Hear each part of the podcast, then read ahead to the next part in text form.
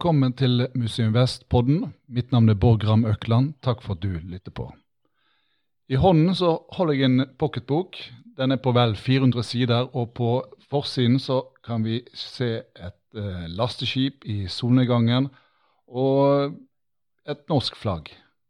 Tittelen på boken er 'Med flagget til topps historier om norsk skipsfart i det 20. århundre'. Forfatter er Stig Tenål. Han er professor i økonomisk historie ved Norges handelshøyskole. Og dette her er en rykende fersk bok som òg har fått en veldig god anmeldelse ganske nylig nå i Finansavisen. Og Stig Tenhold er gjest i studio her i dag.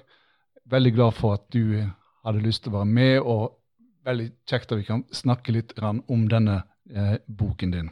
Takk for at jeg fikk komme. Eh, kan du fortelle oss litt, grann, hva type bok er dette? Ja, Når du eh, sier at den har fått gode anmeldelser i Finansavisen, og at, at jeg jobber på Norges handelshøyskole, så skulle man nesten tro at det er en slags økonomibok. Men det er det overhodet ikke. Det er en, en, historiebok. Og bakgrunnen for boken er at jeg har jobbet i, i 25 år med ulike aspekter av moderne skipsfartshistorie. Eh, og etter å ha jobbet med noe så lenge, så har man lyst til å lage en, en en ordentlig markering av det. Og For et par år siden så utga jeg en bok på engelsk om dette. Det var det i høyeste grad behov for. Den siste boken på engelsk om norsk skipsfart eh, var nesten 50 år gammel da. Og så syntes jeg det var så gøy at jeg fant ut at nå skal vi lage en norsk versjon nå. Men da ikke, var det ikke vitsen å lage en, en, norsk versjon som norske universitetsansatte og studenter kan lage. Var, jeg ville heller lage en bok som kunne fenge folk flest. Det, det er en bok som er, er, historisk korrekt, men som er skrevet på en, en, i hvert fall noe mer tilgjengelig måte enn det man vanligvis er vant til eh, med akademiske bøker. Ja, og når, når, du utgir en bok eh, på eh, engelsk først og, og norsk etterpå, er, må du tilpasse på en måte til et ulikt publikum? Og så er det grep du må ta for å Ja, selvfølgelig. Altså, dette det er egentlig bare strukturen er den samme.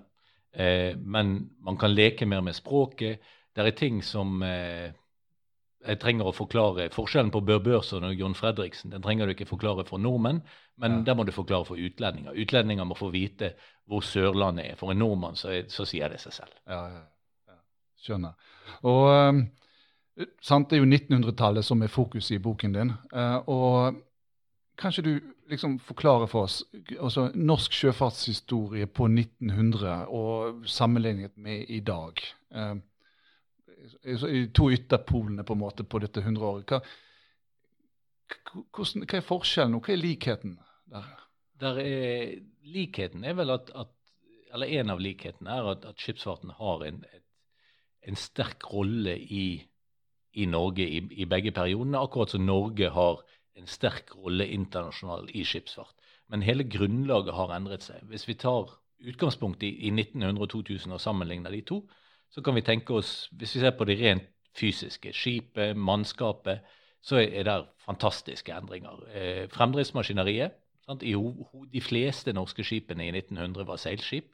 I dag er, det, er vi egentlig hoppet over både dampmotoren, etter hvert motor, eh, altså turbindiesel, og i dag har vi nye elektriske skip. Skipene er mye mye større, byggematerialene er annerledes, og hvor de seiler er forskjellig. Eh, I dag handler veldig mye av verdenshandelen som, som norske skip deltar i, om, om Asia eh, i mye større grad enn tidligere. Ser vi på mannskapene, så er det, er det færre folk om bord. Eh, på toppen som jobbet over, over 65 000 nordmenn i, i skipsfarten på 1960-tallet. Eh, det var liksom toppen etter krigen. Men, men også i 1900 var det, var det, veldig mange nordmenn som hadde dette som, som levevei. Eh, det var relativt mange av de som var ufaglærte. altså Ser vi på de som, som seiler om bord i dag, så har de høyere utdannelse. Eh, de har, der er flere offiserer i forhold til menige. Men den virkelig store forskjellen på, på, veldig mange norske skip i dag er jo faktisk hvor mannskapet kommer fra. For der er, er, er relativt få nordmenn om bord. Mm. Eh, det er filippinere, og det er østeuropeere, og det er indere og kinesere osv. Så, videre. så det, det, er det rent fysiske skipet og mannskapet, hvordan det har endret seg. Eh, ser vi på eierskapet, så har det endret seg. Eh, shipping er en internasjonal industri. Eh, og Går vi tilbake til 1900, så var dette veldig enkelt. Det var et norsk skip, et skip som hadde norsk flagg. Det hadde norske eiere, og det hadde norske sjøfolk om bord. Men det seilte over hele verden. I dag så er det vi nede på, på, et, eh, på et, nivå der hvor, hvor, det trenger ikke være norsk flagg på, på skipet. Det kan være et, et norsk selskap hvor, hvor, flertallet av eierne er, er utlendinger. Og, og, ser vi på Hvis du, hvis du tenker hvem hvem er kanskje den, den mest kjente skipsrederen i Norge i dag? Så vil, vil sannsynligvis veldig mange svare John Fredriksen.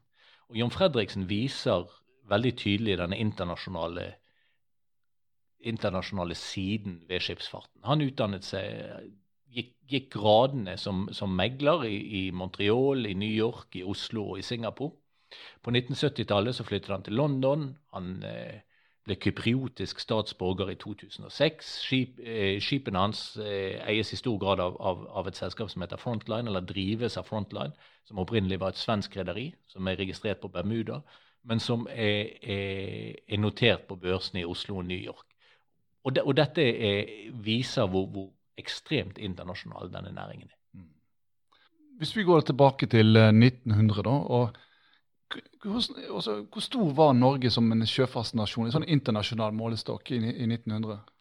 I 1900 så hadde vi verdens fjerde største flåte. Vi hadde en periode vært oppe på tredjeplass etter, etter USA og Storbritannia. Eh, men nå hadde Tyskland også gått forbi oss. Eh, det, er jo veldig stort for en liten nasjon, da? Veldig stort for en liten nasjon. Eh, dette, dette, er jo den perioden hvor det er Britannia ruled the waves. Så, så Storbritannia er jo helt eh, eneråd, ikke enerådende, men de, de, har rundt halvparten av verdensflåten på denne, på denne tiden. Eh, og så kommer altså amerikanerne, tyskerne og, og, og lille Norge. Og ser vi på, på, hvor mye eh, tonnasje, altså hvor mye skipskapasitet hver, hver, norsk innbygger eide, så eide de mer enn et tonn i snitt. At Kari og Ola Nordmann hadde et, et, tonn med skipstonnasje hver, mer enn dobbelt så mye som de hadde i Storbritannia, som var nummer to. Så det, det er klart det at, at her er en, en fantastisk sånn dobbeltvirkning, hvor Norge er en ledende nasjon i internasjonal skipsfart, samtidig som skipsfarten spiller en ekstremt stor rolle i norsk økonomi. Det er jo fascinerende at, at, at uh, det var mulig, altså at Norge kunne liksom være der med de store gutta, skulle til å si, rundt 1900. Og hvordan kom vi der? I, i boken min det, peker jeg på tre, tre hovedårsaker til at Norge i 1900 er en av verdens ledende skipsfartsnasjoner. Og det er geografi, og det er historie, og det er kulturen. Og geografien det, det er nærmest den, den selvsagte siden. Hvis du, hvis du, ser på Norge og, og, på Norges topografi, den lange, lange historien, så sier det selv, selv at, at, sånn som naturen vår er, så tvinges vi ut på havet. Om det er for å hente ressurser eller for å transportere ting. Og, og Norge er jo faktisk det eneste landet i verden som er oppkalt eh, ikke etter de folkene som bor der, eller etter landet. Altså du, du har Deutschland, Danmark eller, eller Francia, eh, England osv. Vi er oppkalt etter fra, Eller navnet vårt kommer fra, fra Nordveger, så veien mot nord. Så der hvor alle andre land er, er oppkalt etter de som bor der, eller landet i seg selv, så, så er Norge oppkalt etter denne bevegelsen. Sant? Det er sjøveien mot nord. Mm. Eh, og, og, det er klart det at du skal ganske langt inn i det 20. århundre før eh, det å reise til lands eh, eller i luften er like effektivt som det å, å, å reise til sjøs. Og, og, i dag også så ser vi jo det at hvis, når det gjelder transport av, av tunge varer osv., så, videre, så er jo sjøen mye mye mer effektiv. Så uh, sjø, sjøtransporten den var utrolig viktig tidlig på 1900-tallet. sant? Ja, og, og det, det, det, handler i utgangspunktet om hvordan eh, Norges topografi er. Hvis du, hvis du, tenker på, ta mellom Lavik og Oppedal, ytterst i, i Sognefjorden, så er det syv kilometer den veien som, som fuglene flyr, eller som du kan, eh, kan ro en båt. Mm. Og ca. 50 mil hvis du skal kjøre rundt. Så det, det, sier seg selv at, at det å ha kunnskap om transport til sjøs det er nødvendig for, for, Norges overlevelse. Og ut fra dette her så får vi vikingene og det ene og det andre. Mm. Og, og, og, der kommer den historiske siden inn. At, at skipsfarten er til stede i, i, norsk økonomi mye mer enn, og norsk samfunnsliv mye mer enn i, i kanskje noe annet land i Europa. Hell, Hellas er det eneste landet hvor, hvor, du ser det i like stor grad at skipsfarten er på en måte premissleverandør for den økonomiske utviklingen. I tillegg så har jo Norge også er Norge jo rik på en del naturressurser, altså fisk og tømmer, treler, som trengs til skipsbygging bl.a. Altså, hvor, mye, hvor viktig har på en måte naturressursene vært for at Norge kunne bli en stor sjøfartsnasjon? Delvis så handler det om, om at vi har kunnet eh, Altså, vi, vi, solgte fisken sørover, men det var ikke gitt at det var nordmenn som skulle transportere den. Og veldig lenge så var det jo ikke nordmenn som transporterte den heller. Tømmeret er viktigere. For tømmeret kan vi selge til utlendinger, eller vi kan bruke tømmeret til å bygge skip.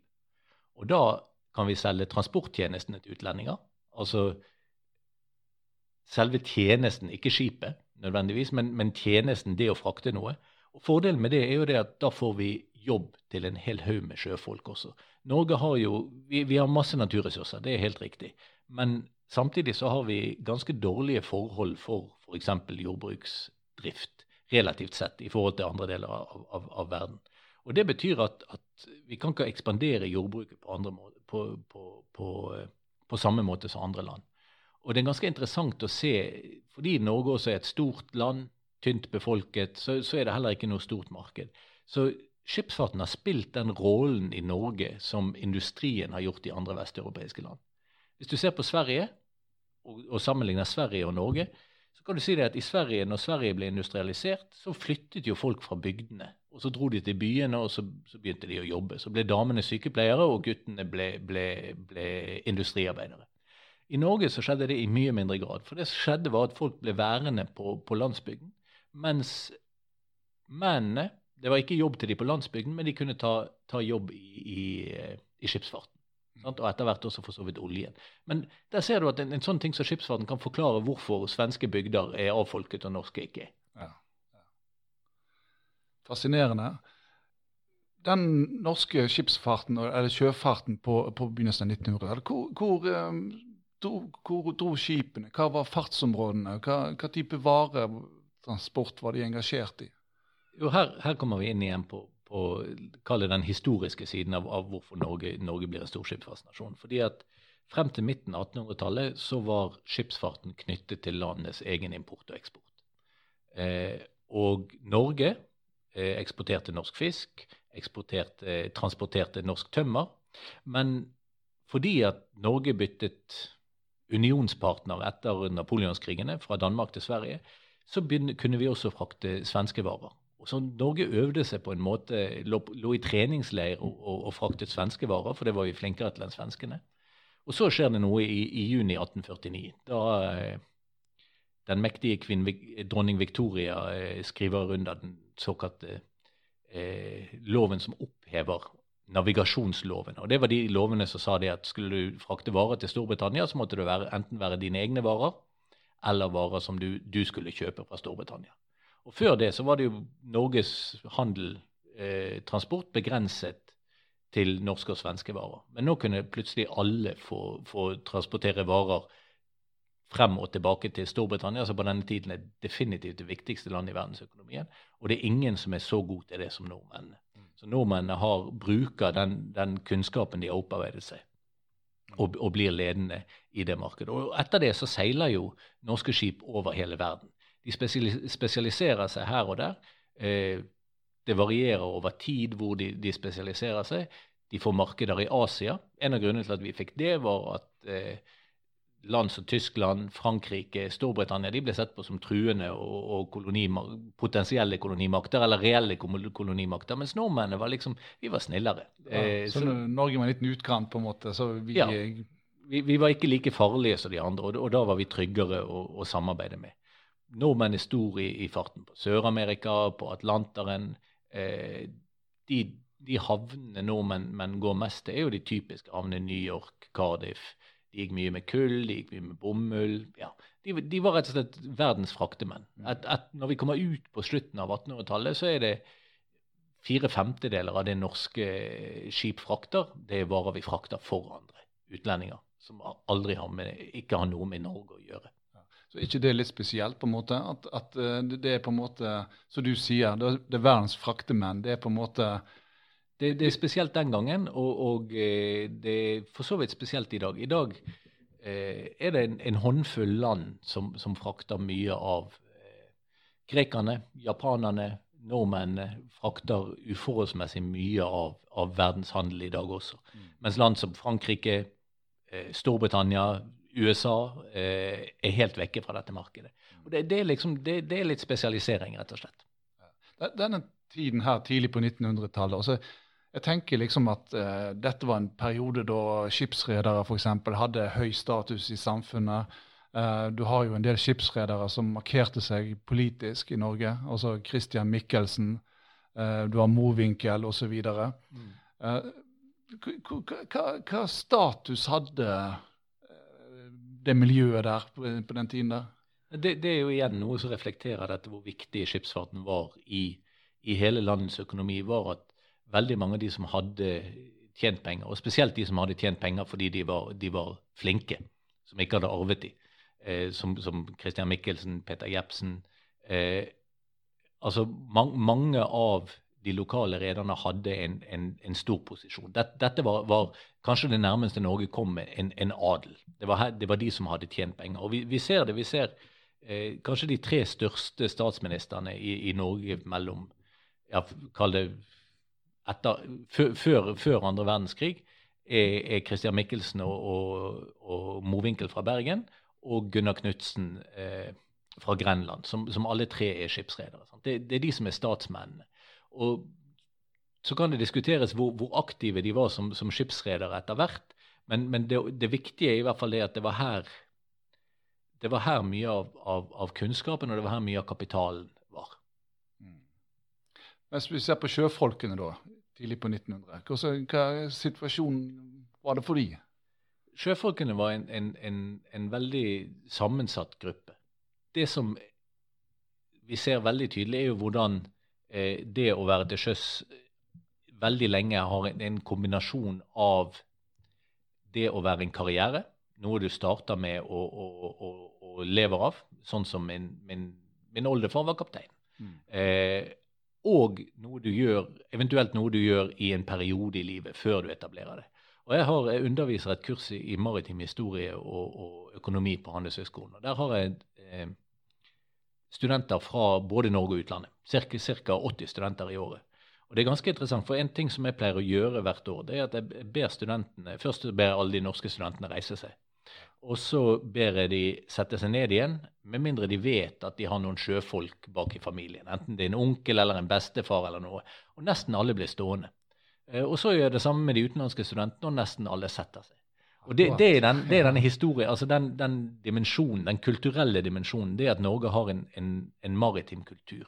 Og vi, vi, ser jo dette her i, i Det er klart det at en av, en av grunnene til at Norge eh, klarer å fostre mange og flinke sjøfolk i denne perioden, eh, det er jo delvis dette at, at, folk lever tett på det. Sant? De som kommer hjem så sent som etter andre verdenskrig, de som kommer hjem med nylonstrømpebukser og vinylsingelplater eh, og, og, egentlig de, de, som kommer hjem og er brune om sommeren. Dette, dette, er jo lenge før nordmenn kan dra til utlandet i det hele tatt. De nordmennene som drar til utlandet, er noen få, få misjonærer. Mm. Så er det kanskje noen handelsmenn og, og byråkrater.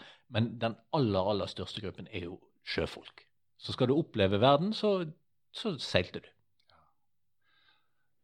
Dette her er jo også tidlig på 1900-tallet. Det, det, er jo en periode da det skjer en del si, teknologiske endringer eh, i flåten, norske flåten. Uh, og da tenker jeg jo egentlig mest på kan du si, overgangen fra seil til damp. Uh, nå må du rette meg hvis, ikke, hvis, jeg sier feil, men jeg mener jeg har hørt at den norske handelsflåten var sånn 50-50 av seil og damp i rundt sånn 1909. Uh, der omkring. Uh, mens Bergen var litt raskere ute med, med dampskip. Det, det, er 100, 100 riktig. Til og med årstallet er riktig. Ah, okay. Men det, det, er ulike måter å måle dette på. Okay. Eh, den, den, tradisjonelle historien er jo at Norge er sen i overgangen fra seil til damp. Ja, hvor, hvorfor, er, hvorfor, er, det sånn? Altså, vel, For det første så er det ikke alltid sånn. Eh, de av oss som mener at Bergen bør være no, er noe for seg selv og ikke bør regnes med i Norge, da er det, da er det ikke tvil om at da er vi sene. Men tar vi Bergen med, så Bergen er like rask som Storbritannia, som, som er eh, pioneren. Allerede i 1884, så et, et, kvart århundre før resten av landet, så hadde Bergen like mye dampskip som seilskip.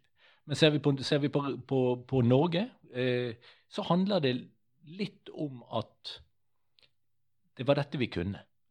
Eh, I utgangspunktet når Norge på, på 1850-tallet eh, fra 1850-tallet ekspanderer veldig raskt, så begynner det med at vi gjør det med skipene vi bygger selv. Etter hvert som, som Storbritannia, som har både teknologien, jern, stål, maskiner, kull, eh, går over til andre typer skip, så selger de seilskipene sine. Og nordmenn er veldig glade i å kjøpe brukte skip fra, fra eh, Storbritannia spesielt. Det er vel ganske høy risiko med det òg, da? Det er det definitivt. Altså på, på eh, I de verste årene så var det jo mener jeg forlisraten er oppe i, i ca. 6% sant? Altså, Det vil si at rundt ett av 20 skip hvert år er forliste. Nå, nå skal det sies at ve veldig ofte så, så, skjedde det under eh, Kall det i, i dannede former. Eh, re, re, relativt eh, tett på kysten og, og uten, uten, at man, man tapte for mye. Men det, det, er klart det at eh, det er en periode hvor Norge har et, et rykte på seg for å, ha eh, som, som, det står i, i en bok, de har, de har eh, elendige skip og gode sjøfolk. Men det var altså store forskjeller regionalt mellom de områdene som Bergen, som hadde mye damptonnasje, og de områdene som hang igjen i den gamle seilskipsteknologien. Det var først og fremst her vi fant disse flytende likkistene, eller dårlige skipene. Og der vi fant den høyeste andelen, det var, det var, på Sørlandet. Og det er ganske interessant, for Sørlandet hadde på, på slutten av 1870-tallet spilt en helt ekstremt viktig rolle relativt sett i internasjonal skipsfart. Så på Agder, hvor det bodde ca. 100 000 mennesker, så eide man 2% av verdensflåten. Så 2% av verdens tonnasje var eid på Sørlandet. Men de klarer aldri denne overgangen fra, fra seil til damp, eh, av flere årsaker. Det, det, den teknologien, seilteknologien lå, lå sterkt innvevet i, i lokalsamfunnet. Og når vi kommer ut i 1900, når Bergen for lengst eh, 15 år tidligere har gått over og har en overvekt dampskip, så er det f.eks. i Lillesand ett eneste dampskip, mens de har 40 seilskip. Så en, en, liten sånn en liten varde av modernitet i en, en, en ganske så, så på, på, en, ganske så utdatert vidde. Mm. Og dampskipene de var jo veldig kapitalkrevende eh, sammenlignet med et seilskip. Og hvor klarte la oss si bergenserne, som var på en måte en spydspiss inn i den moderne tiden her med, med, med stor satsing på damskip. Altså, hvor, hvor, fikk de kapitalen fra? Altså, veldig ofte så, så handlet det om, om, å egentlig få, få, kapital fra alle steder du kunne. Man gikk rundt og, og samlet inn eh, Igjen så er det jo på en måte en fordel at, at Norge eh, har begrenset med, med alternative investeringsmuligheter. Det er ikke sånn at der er, der er mange Der står 40 industrier, eh, fabrikkeiere og spør om penger, og så er det én skipsreder. Det er snarere et, et motsatt område. Og, og, det som er, er, spesielt, er det at før 1903 så var, var, skip ansett som løsøre. Så det var ikke mulig å ta pant i skipet. Du kunne ikke ta lån i skipet. Men det som gikk an, var å kjøpe en, en såkalt part, en del av et skip, og eh, ta lån eventuelt i den parten med sikkerhet i andre ting. Og, og, det som skjedde var jo det at Etter hvert som skipene ble dyrere, så, så, ble det flere og flere parter per skip. Så du begynte gjerne med fire eller åtte eller tolv, så ble det 64, og så ble det 100. Og På den måten så kunne folk også spre risikoen. Ved å, å ta en liten andel i, i, i, mange skip, så slapp man å være like sårbar om, om, om, skipet skulle gå ned. Man puttet ikke alle eggene i en kurv. Mm. Og På den måten så, så ble inngangsbilletten relativt lav. Man klarte å, å favne store deler av, av, folket. Det er klart det at Mesteparten kom fra det vi vil kalle de rike. Men det var ikke uvanlig for, for vanlige folk også å ha investert i, i skip. Mm. Men var det gjerne altså, folk flest, men var det ofte sjøfolk som investerte da? Eller kapteiner og styrmenn? Og helt, helt, tilbake fra, fra det såkalte partsrederiet så var, var, det helt typisk at kapteinen han hadde, hadde en part, eller, eller noen parter. Det var, det var eh, en, en måte å, å, å, være med og betale på. Man, man kan sammenligne dette såkalte partsrederiet med en slags kurvfest, hvor alle, alle, tar med seg det de kan. Så, så noen kunne, kunne, få andeler i et skip ved å stille med tømmer fra egen skog. Eh, er du, er du eh, repslager, så kunne du stille med tau og få, få, betalt for det. Og kapteinen fikk betalt. Og, og, og sånn sett så, så, fikk man tatt med store deler av samfunnet i dette. Og, og Mm. dette i en periode hvor det, det ville vært vanskelig, og, og det er ikke et, et kapitalmarked hvor, hvor man kan hente disse pengene. Mm. Men tidlig på 1900-tallet, vil du ikke da få eh, på en måte rederier som mer spesialiserte Altså rederier som en egen næring, tenker jeg. Altså som ikke er partsrederier, men som eier skipene sine sjøl, på en måte. Det- Hvis det- du forstår meg rett. Helt, helt riktig. Og det, og det blir en, en, en mer langsiktig tankegang. fordi at de såkalte partsrederiene det, det er en slags prosjekter. De, de lever så lenge skipet lever. Når skipet går ned, så får man utbetalt forsikringsutbetalingen, og så går man hver til sitt. Hvis skipet blir gammelt og selges, så får man utbetalt salgssummen, og så går man hver til sitt. Men etter hvert så får vi aksjeselskap, eh, som blir en mulighet. Og vi får eh, etter hvert aksjeselskap som eier flere skip. Og etter hvert også så får vi rederier som, som har flere aksjeselskap tilknyttet til seg. Og da får det plutselig en, en slags langsiktighet som vi ikke har hatt tidligere. Og, og det skjer for fullt i, i mellomkrigstiden. Akkurat. Så da, da kan du si at på en måte rederiet som en egen næring, på en måte, spesialisert næring, oppstår, eller I hvert fall blir, blir mye mer formalisert på den Ja. tiden. der. mm. Og det, det vi ser er jo at, at veldig mange, Du nevnte kapteiner i sted. Veldig mange kapteiner så går jo i land og, og starter for seg selv. Når, når Norges Rederiforbund eh, blir opprettet, så er flertallet av de som oppretter dette, enten kapteiner, folk som har vært kapteiner, eller barn av kapteiner. Så de bygger på kompetansen de har. De bygger eh, på kompetansen sin. Og, og her igjen kommer vi jo inn på dette med, med transport og kommunikasjon, ikke minst. For langt ut på, på, på, i siste halvdel av 1800-tallet så er det jo slik at kapteinen tar en, en masse beslutninger som i dag blir tatt andre steder. Det, det, er da, eh, det, det er først når kommunikasjonen blir bra, at, eh, at kapteinen eh, får beskjed hjemmefra hvor de skal gå. Ofte er det de, de som må, må, må trekke slutningene selv. Går du, går du på 1840-tallet f.eks., så tok det 140 dager fra man sendte et, en forespørsel eh, fra London til Hongkong, og så tok det 140 dager å få svar igjen. Og det er klart at du, Da er ikke det noen mulighet å, å styre noe skip effektivt der. Da overlater du den kapteinen som sitter i Hongkong, å ta beslutningene. Det må jo være ganske krevende å være kaptein når du skal ha ansvar for skip og du skal samtidig drive forretning på den måten der. Definitivt krevende, men definitivt noe som også egner seg for folk som er flinke.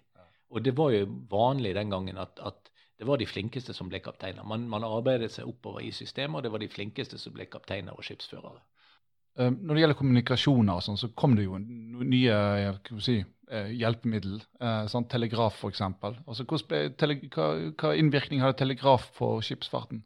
Det har en, har en veldig stor virkning. Det, det skjer to store ting rundt, rundt eh, 18, 1870. Det ene er at man får eh, spredt telegrafnettet, sånn at det blir, blir større. Og det andre er at man åpner Suezkanalen. Og det at man åpner Suezkanalen, eh, kutter sjøveien fra Europa til Asia veldig. Og begge de to, to har en, en, en klar effekt. Så denne, dette brevet som tok 280 dager frem og tilbake i, i eh, 1840, nå får du svar på tre dager i, i 1870. Så, Ja. så det, det går eh, Og da er det klart at da kan du ta helt andre beslutninger andre steder. Ja. Og etter hvert så får man jo også muligheten til å kommunisere med skipet når det er i fart. Selv om det går raskere å kommunisere med, med kapteinen når de andre steder, så er det en, en kunnskap som kapteinen har opparbeidet seg, som er viktig. Eh, jeg har tidligere skrevet en bok om, om bergensrederen Christian Gerhard Jepsen, eh, som etablerte seg på slutten av, av 1960-tallet. Og på 1970- og 1980-tallet så var det slik at alltid når noen av kapteinene på noen av hans skip var, var eh, hjemme i Bergen, så ville han snakke med dem. Fordi kapteinene har en kunnskap om, om, om både det som skjer om bord, men også har litt pulsen på, på markeder i andre deler av verden. Og det er klart at etter hvert som eh, norske sjøfolk blir sjeldnere, norske offiserer blir sjeldnere, så er det en side som forsvinner. Vi har jo eh, snakket en del om eierskapet i skipsflåten, sant? også med, med partsrederier og den gradvise overgangen til et mer spesielt eget kan du si, rederi, da. Eh, En rederinæring. Men hvordan utvikler eierskapet seg innover i Hvis vi går inn i første verdenskrig? Første verdenskrig er jo spesielt, fordi at det er da eh, en krig der Norge som nøytralt, eller i hvert fall tilsynelatende nøytral, med en kjempestor flåte, gjør det kjempebra. Vi har aldri sett tilsvarende eh, Altså olje, oljen i dag i norsk økonomi betyr ingenting i forhold til det skipsfarten gjorde, spesielt under første verdenskrig. Og det, det er en kjempeboom. Og, og, på en måte så får skipsfarten litt, litt ufortjent rykte, fordi at aksjene øker og øker i verdi. Dette kjenner vi jo fra, fra f.eks. vår ære og vår makt, skuespillet til Nordahl Grieg. Mm. Og, og, skipene øker og øker i verdi fordi at eh, nordmenn er er nøytrale. De er et av, et av få land som, som fungerer. Og, og, fra vår erovermakt så kjenner vi disse historiene om, om, om, han som kjøpte et skip for halvannen million om morgenen og solgte det for to, for to millioner om ettermiddagen. Så, var det sånn i virkeligheten? Det, var, det, var, det, finnes definitivt eksempler på som var tilsvarende. Og så, så handler jo mye om, om, om den ekstreme risikoen som er, som er, der. De av dere som, som eh, har lest Bør Børson, eh, husker at der, der spiller spørsmålet om et, et, skipstelegram, et skip som har gått ned, det kan plutselig være en, en veldig god forretning. Eh, så, så, de prøver å lure den godeste Bør Børson, som, som når sant skal sies, i, i, i Johan Fagberg, Fagbergets bøker ikke en spesielt sympatisk mann. Det, det, hjelper veldig å få en trønder til å synge, synge, replikkene for at man skal fremstå som snill. Men det er klart at, at det var et, et, et spesielt marked. og folk ble, ble, Noen ble veldig veldig rike. Kristoffer Hannevik, som jeg skriver litt om i boken, han gikk fra, fra nærmest ingenting til en, en, en, formue i 1917 som eh, tilsvarer ca. 5 milliarder i dagens, eh, i dagens, pengeverdi. Og så, og det er jo det, det, det, vi kan kalle det morsomme siden det er 100 år siden, men, men kanskje tragiske også i dette, er jo at i 1921 så var mannen konkurs. Eh, men dette viser den fantastiske boblen det var. Og, og både, både, børsen og rederiaksjer får jo et litt ufortjent eller fortjent dårlig rykte etter dette. Det var, det var en, en, boom uten sidestykke. Mm, mm. Ja, det, det, er jo på en måte det vi kaller jobbetid. sant? Dette er jobbetiden. Alle ja. skulle ha en aksje i skipsfarten? Alle, alle skulle ha så, så, mye som mulig, og, og, ingen av dem ville ha det fordi at skipsfarten gjorde penger. Alle ville ha det fordi at de skulle kunne selge den videre etterpå. Men Hvordan gikk det med anseelsen på en måte eh, for skipsfarten under første verdenskrig? Altså, hadde det noe betydning for sjøfolkene? Tenk på lønnsnivå, f.eks. Eller, for, altså, for, for, de frakter jo forsyninger sant, eh, til Norge. Det, det, spiller jo selvfølgelig en rolle. Er, der er et par tusen norske sjøfolk som, som dør. Så det er, er, er en, en tragisk side ved det, som, som betaler den, den virkelig høye prisen. Eh, de er viktige for å frakte varer til og fra Norge, det er helt riktig som du sier. Men de er også veldig viktige for å frakte varer alle andre steder. Det som skjer som er spesielt under første verdenskrig, er jo det at, at eh, da er flertallet av eh, den norske flåten er, er dampskip. Og dampskipene er avhengige av kull, og kull får de i Storbritannia. Og britene opererte nærmest et sånt prinsipp som du ser i, i døren på Kafé Opera en, en, lørdag kveld, hvor, eh, hvor det er én inn og én ut. Så norske, norske, skip fikk ikke lov å forlate engelske havner med mindre det kom et annet skip inn. Eh, så på den måten så sikret britene at de, de, de, transporterte for de. Og så når de, de forsvant da fra, fra, Cardiff eller Goole eller hvor de var i, i, i, i Storbritannia, så var de jo ut og, og stille seg laglig til for hugg for, for eh, de tyske ubåtene. Ja. Og dette her må jo skape også I havnene må jo skape store forsinkelser, og ting må jo ta tid. Og når du har til og med den risikoen så Du, du skjønner litt om hvorfor uh, ja, for, for store, ratene går høyt opp? Store forsinkelser betyr at hvert skip får, gjør, klarer å, å, utføre mindre arbeid.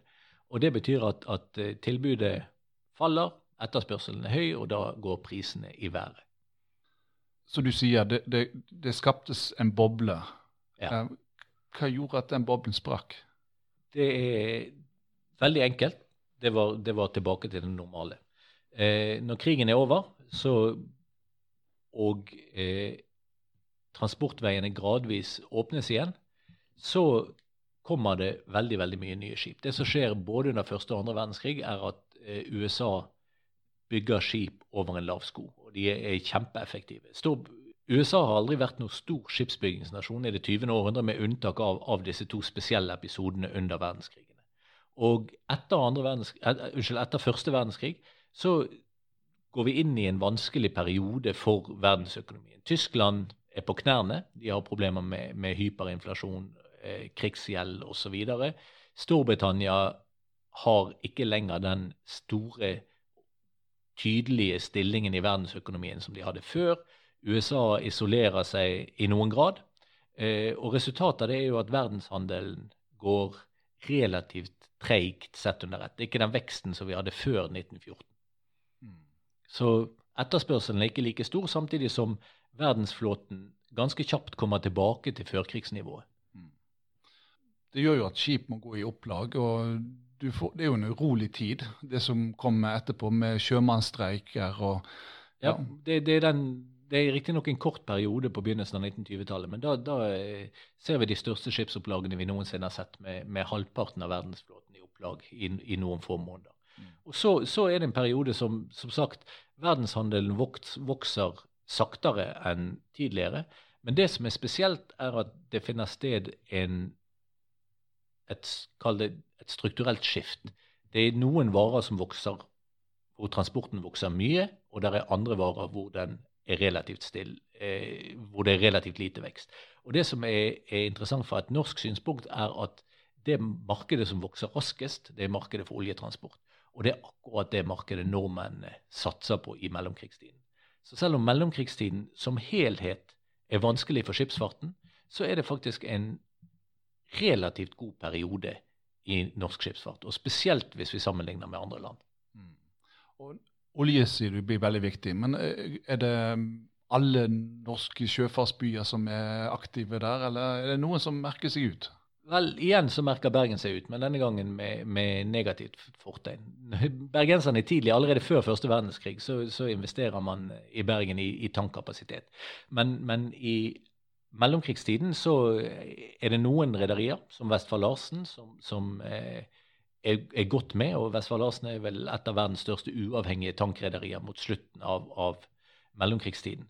Men Bergens skipsfart generelt blir ikke en, en vesentlig del av dette bildet. Det, de, de, som ekspanderer, skjer i to kall det epoker. Det ene er, er i siste halvdel av 1920-tallet, når, når eh, Anglo-Saxon, eh, britisk petroleum Shell, Eh, Royal Dutch Shell selger ut en del av tankskipene sine. De finner ut at eh, de har vært veldig flinke til å lete etter olje, men er ikke så flinke å transportere. Så da selger de skipene, og så leier de tilbake med, med lange avtaler med, med norske rederier. Og det er spesielt rederier på Sørlandet og, og Østlandet som, som, tar de opp på dette, som, som, benytter den muligheten. Og det er liksom litt, litt historien. Spesielt på Sørlandet så er det denne historien om, om sørlandsrederne som den stygge andungen som, som har tapt alt eh, når, de gikk ned med mann og mus med seilskipene, og så nå bygger seg opp igjen. Men det viser seg ikke være det, det er i beste fall halve historien. Det er egentlig en, en, en, mindre del av historien enn det. For den, den, delen av historien som kanskje er viktigst, det er det som skjer i et skandinavisk perspektiv. For dette er en periode hvor industrien sliter i mange land. Både Danmark og Sverige har bygget opp en, en stor skipsbyggingsindustri og de spesialiserer seg på, på tankskip, og spesielt da motortankskip. Eh, svenske og danske redere er ikke like interessert i å drive disse som norske redere, så svenskene sender misjonærer til Oslo. Hugo Hammer, eh, som er en, en ingeniør og, og, og, sjef for, for han går nærmest fra dør til dør i, i Oslo og, og, forsøker å selge inn disse prosjektene, mm. som viser seg å bli utrolig eh, vellykket. De er vellykket fordi at det er markedet, dette markedet som vokser. De er vellykket fordi at svenskene og danskene er desperate etter å, eh, å bygge skip. Så de, de tilbyr kreditt. Man trenger relativt lite penger for å gå inn i dette. Eh, så, så, også rederier med lite kapital kan gå inn i det. Og eh, det er veldig vellykket fordi at dette viser seg jo etter hvert også å bli helt avgjørende når vi kommer til andre verdenskrig. Så, så historien om, om, norsk skipsfart i mellomkrigstiden er, er på en måte en, en, avvikende historie fra verden som helhet. Dette, dette, er den store depresjonen, dette er verdenskrisen, dette er sammenbruddet i den internasjonale økonomi, det er globaliseringens opphør osv. Men for norsk skipsfart så er det ikke det. For norsk skipsfart så er det perioden hvor vi går fra å være etternølere til å, å, å bli verdensledende. I, i i 1914 så så er, den norske flåten sammensetningen Vi har en, en relativt stor andel, fortsatt nesten 30% seilskip.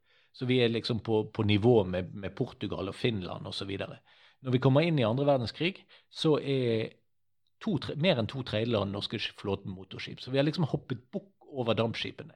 Vi har eh, satset på, på, noe, og Norge har definitivt den mest moderne flåten i hele verden. For det som skjer her, er jo også i mellomkrigstiden, er vel òg at uh, gjennomsnittsalderen på skip internasjonalt den uh, blir vel høyere og høyere, og så skipene blir eldre og eldre? Skipene blir eldre og eldre. I, i USA f.eks. USA investerer mye i forbindelse med krigen.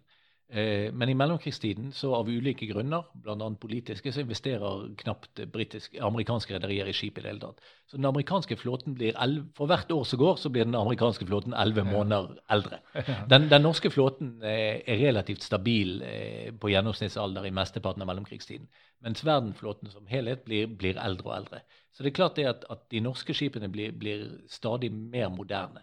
Sant? Mm. For selv, selv om gjennomsnittsalderen er den samme, så blir jo skipene ett år nyere hele tiden likevel. Ja. Så vi kan på en måte si at uh, Norge var sein når det gjaldt overgangen fra seil til uh, damp. Men uh, akkurat i mellomkrigstiden så skjer det en stor, viktig endring der med at man er litt sånn rask over på motor. Vi er rask. Det, det skyldes delvis, delvis, flaks, som jeg nevner med, med, med verftene i Danmark og Sverige.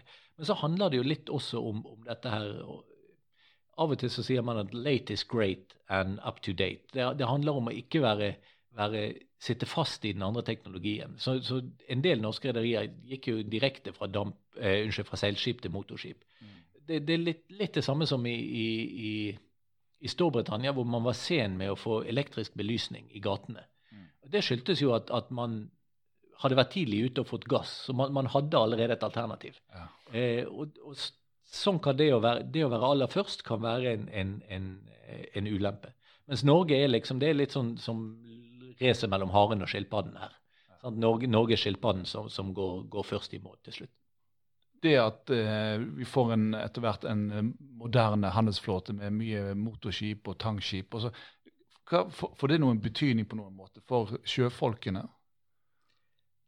Det er flere ting som, som endrer eh, sjøfolkenes liv eh, i denne perioden. Det ene er jo at skipene blir mer moderne og bedre. Eh, lugarkapasitet, eh, hygiene og ikke minst sikkerhet. Det er kanskje det viktigste av alt. At, at eh, det er ikke lenger slik at det er, er, er 5 sjanse for at du hvis det, hvis det, er 5 sjanse for at du, du, du, forliser et år, så betyr det, det at du forliser iallfall én gang i løpet av 20 år eh, i gjennomsnitt. Ja. Så, så, det er klart det at dette blir sikrere. Det er sikre, bedre navigasjon, bedre skip osv. Eh, men det som også skjer, er jo at, at det blir internasjonale reguleringer av dette. Sjøfolken er jo en av de tingene som man, man iallfall prøver å ta tak i. Eh, og, og skape gjennom den internasjonale International Labour Organization og, og, og har reguleringer på hvor gammel må du være for å seile osv. Men så hører, hører, det med til historien at, at uh, på 1930-tallet, så selv om, om, norsk tankfart er liksom et vi kan kalle det et, et, et, positivt eventyr i denne perioden, så er det jo en, en vanskelig periode med, med mange sjøfolk uh, som mister jobben. Uh, og det er klart at når sjøfolkene står med luen i hånd, så kan ikke de være for kravstore heller. Og det er jo i denne perioden vi får fantastiske ting som, som, eh, som er skrevet bøker om, om som Ørkensur i, i, New York. Denne kolonien av, av, hjemløse, som i stor grad er norske sjøfolk, som egentlig er litt mellom barken og veden. De har, de har ingen skip å mønstre på, men de har vært for lenge i, i de, de, har vært lenger i, i, USA enn det de egentlig har lov til. Det, så det, det, er mange tragiske historier i dette bildet også. Ja. Altså, så det er på en måte en en periode med kontraster, altså. Med, med der du har eh, teknologiske nyvinninger og, og, og, framskritt, på en måte. Og så samtidig så har du sosial nød. og det, Definitivt. Og, og, det er jo akkurat det at, at det, det, sikkerhetsnettet som fantes den gangen, var også veldig begrenset. Eh, der er en eh, eh, sorry, britisk økonom som heter Stanley Sturmy, som har skrevet om, om denne perioden. Eh, om, om britisk skipsfart eh, i mellomkrigstiden. Og britisk skipsfart eh, ble jo mindre og mindre viktig relativt sett. Eh, og det er interessant å se at i, boken hans så sammenligner han britene med, med rederiene i Bergen og sier at de, de var konservative og de, de, grep ikke disse nye sjansene, mm. mens resten av nordmennene gjorde det bra. Og, det, og dette er interessant for to ting. Delvis fordi han forklarer eh, Bergens stagnasjon, Men det som, som virkelig er det interessante, er det at her har du en av, av verdens ledende skipsfartsøkonomer som skriver i 1960 og forholder seg til Bergen som en, en, en helt naturlig del av, av, et argument i en akademisk bok. Dette skjedde med, med rederiene i Bergen. Og det sier jo litt om, om hvor viktig Norge var som eh, skipsfartsnasjon. I boken din så har du et uh, underkapittel. Uh, Tittelen er 'Arm i arm med det store dyret'. Vet du hvor den kommer fra? Nei. Det er en sang av Knutsen og Ludvigsen. Ah, ja, ja, ja. Hva, hva ligger du i det? Eh, det? Jeg skriver et par sider om, om eh, en annen viktig norsk maritim næring, eh, som er hvalfangsten. Og Norge, igjen så ser vi liksom dette internasjonale Norge hvor, hvor man sender eh, store ekspedisjoner eh, sørover i, i Antarktis. Altså først nordover i Norge, men etter hvert sørover i Antarktis. Eh, og hvordan de, de blir en, en, viktig del av norsk økonomi. Man, eh, nordmenn eh, produserer flere millioner tønner med, med, med olje på det viktigste når vi er rundt 1930-1931. Et par hundre hvalbåter og, og, ja, mange mann. Det blir, det blir, en viktig del av, av norsk økonomi. Aldri så viktig som skipsfart, men det utgjør faktisk 5% av verdiskapningen i Norge i, i 1930-31. Ja. Og så er det jo det, det spennende at uh, det er jo også en, en næring med, med, store svingninger. Så året etter så var nesten alt lagt opp. Alle skipene lagt opp. Akkurat. Da var markedet for fett mettet. Ja, det, var det, var mye penger i det, har vi hørt. det, det, definitivt mye penger. Og, og, og det er jo hele eh, Det er jo litt av skipsfartens natur. Der, der i, i krigsperioder har det vært OK penger. Eh, I fiske så gjelder jo dette fortsatt, at, at du, du, kan reise ut. og Er du heldig, så, så, tjener du nok til en, en, ny bil. Og er du uheldig, så tjener du nok til en, en, en lekebil. Eh, men, men, det har jo vært perioder sånn som Kristoffer eh, Hannevik, som vi var så vidt inne på før. Han, han inviterer i, i 1915 til et eh, prosjekt som skal sette, sette motor på fire gamle seilskip. Og han lover en avkastning på 50% per tur. Mm. Altså eh, hvis du satser 100 kroner, så har du tjent 50 etter første tur. Og Det er klart at det, det er perioder hvor det er, er, mye penger på dette. Men grunnen til at jeg har skrevet om, om hvalfangsten, er jo at enkelte av disse eh, som er involvert der, eh, har røtter i skipsfart, eller bygger seg videre inn i skipsfart. En av dem er jo Anders Jahre, som etter hvert fikk tilnavnet eh, The Prince of Wales som bygger opp et av de største rederiene i Norge i etterkrigstiden. Han hadde også eh, bakgrunn i hvalfangst. Og Det som er interessant med, med Jare og Hilmar Reksten og en del av de som kommer til i, i, i mellomkrigstiden, som etablerer seg da, er jo at de, de er ikke gamle kapteiner som går i land. Dette er folk med universitets- og høyskole, høyskoleutdannelse. Så, så, Anders Jahre han var egentlig, hadde studert juss, f.eks. Og, og Hilmar Reksten hadde studert økonomi i, i Tyskland. Erling Dekke Næss hadde studert økonomi eh, under Kanes i, i London osv.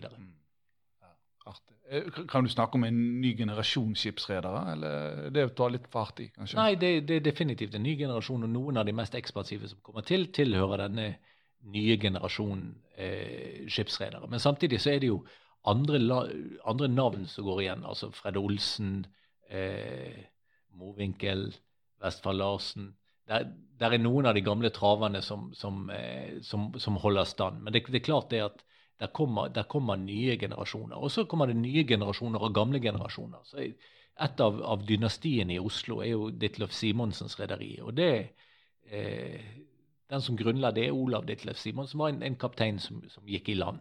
Eh, og når han utgir eh, sin selvbiografi så er han ikke eh, snauere enn at han kaller det en sjøgutt ser tilbake.